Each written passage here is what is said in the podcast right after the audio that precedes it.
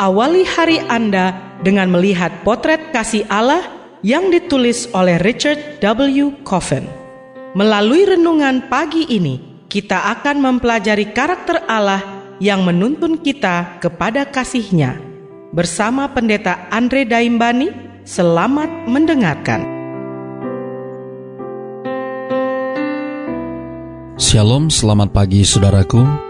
Renungan pagi kita hari ini 14 Juni berjudul Yehezkiel yang aneh.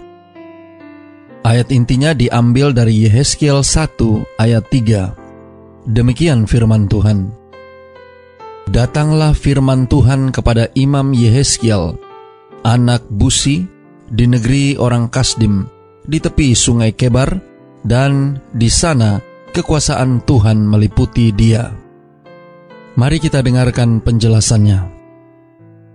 Nabi Yeskiel dan kitab yang ditulisnya sama-sama membingungkan, sehingga ketika menemukan beberapa masalah di dalamnya, para rabi, terutama dari aliran Syamai, memperdebatkan posisi kitab ini di dalam kanon Alkitab. Apa yang membingungkan? Kalau tidak dapat disebut aneh dari Yeskiel. Pertama, Kepribadiannya agak eksentrik. Nabi-nabi yang gembira luar biasa sudah bukan zamannya lagi pada masa itu. Seiring berlalunya Elia dan Elisa. Namun Yehezkiel lebih mirip angkatan mereka ketimbang angkatan Yoel, Amos, Yesaya, Yeremia, dan kawan-kawan. Ia mengatakan telah dirasuk oleh roh yang dicatat dalam Yehezkiel 2 ayat 2. Ia mengaku telah diangkat oleh tangan Allah. Dicatat dalam Yeskiel 3 ayat 14. Yang pada suatu ketika menjambak rambutnya dan membawanya sejauh 800 km ke Yerusalem. Sebagaimana dicatat dalam Yeskiel 8 ayat 3. Ia menjadi bisu selama beberapa waktu, sebagaimana dicatat dalam Yeskiel 3 ayat 26 dan 24 ayat 27. Beberapa pelajar Alkitab berspekulasi bahwa ia memang sakit secara mental. Kedua, perilaku kenabiannya agak sedikit ganjil.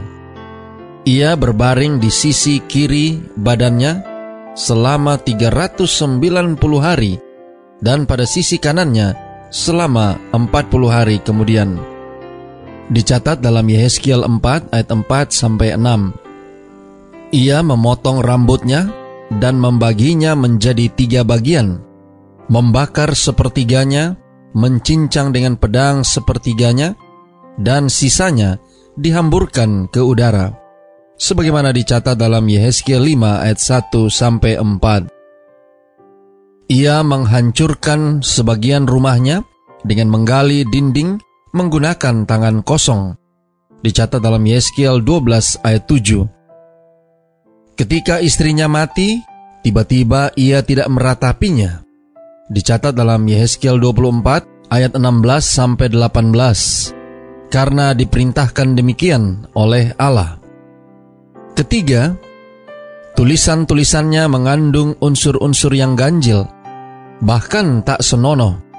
Di pasal 16, Allah digambarkan melakukan hubungan sumbang dan pada pasal 23 ia menggunakan bahasa yang erotis.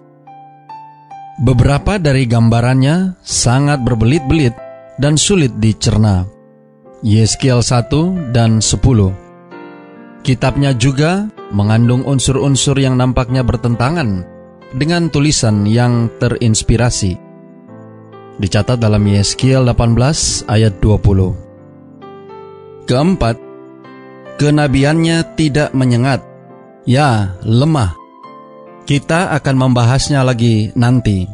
Sebagai contoh, gambarannya yang panjang lebar tentang pembangunan kembali bait suci dan pelayanannya tak pernah terjadi. Saudara-saudara yang kekasih di dalam Tuhan, namun demikian Allah menggunakan orang yang aneh ini.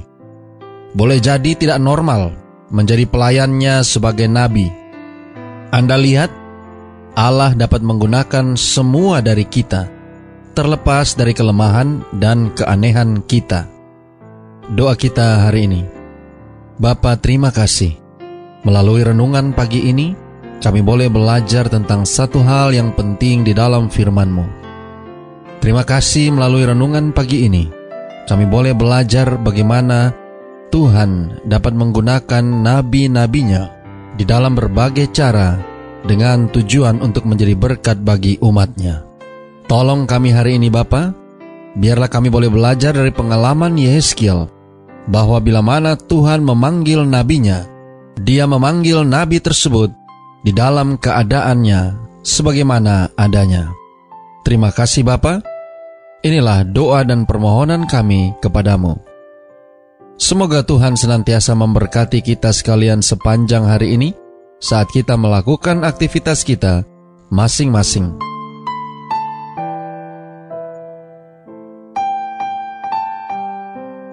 Demikianlah tadi pembahasan tentang potret kasih Allah. Semoga firman Tuhan hari ini dapat menjadi berkat bagi Anda. Sampai jumpa, Tuhan memberkati.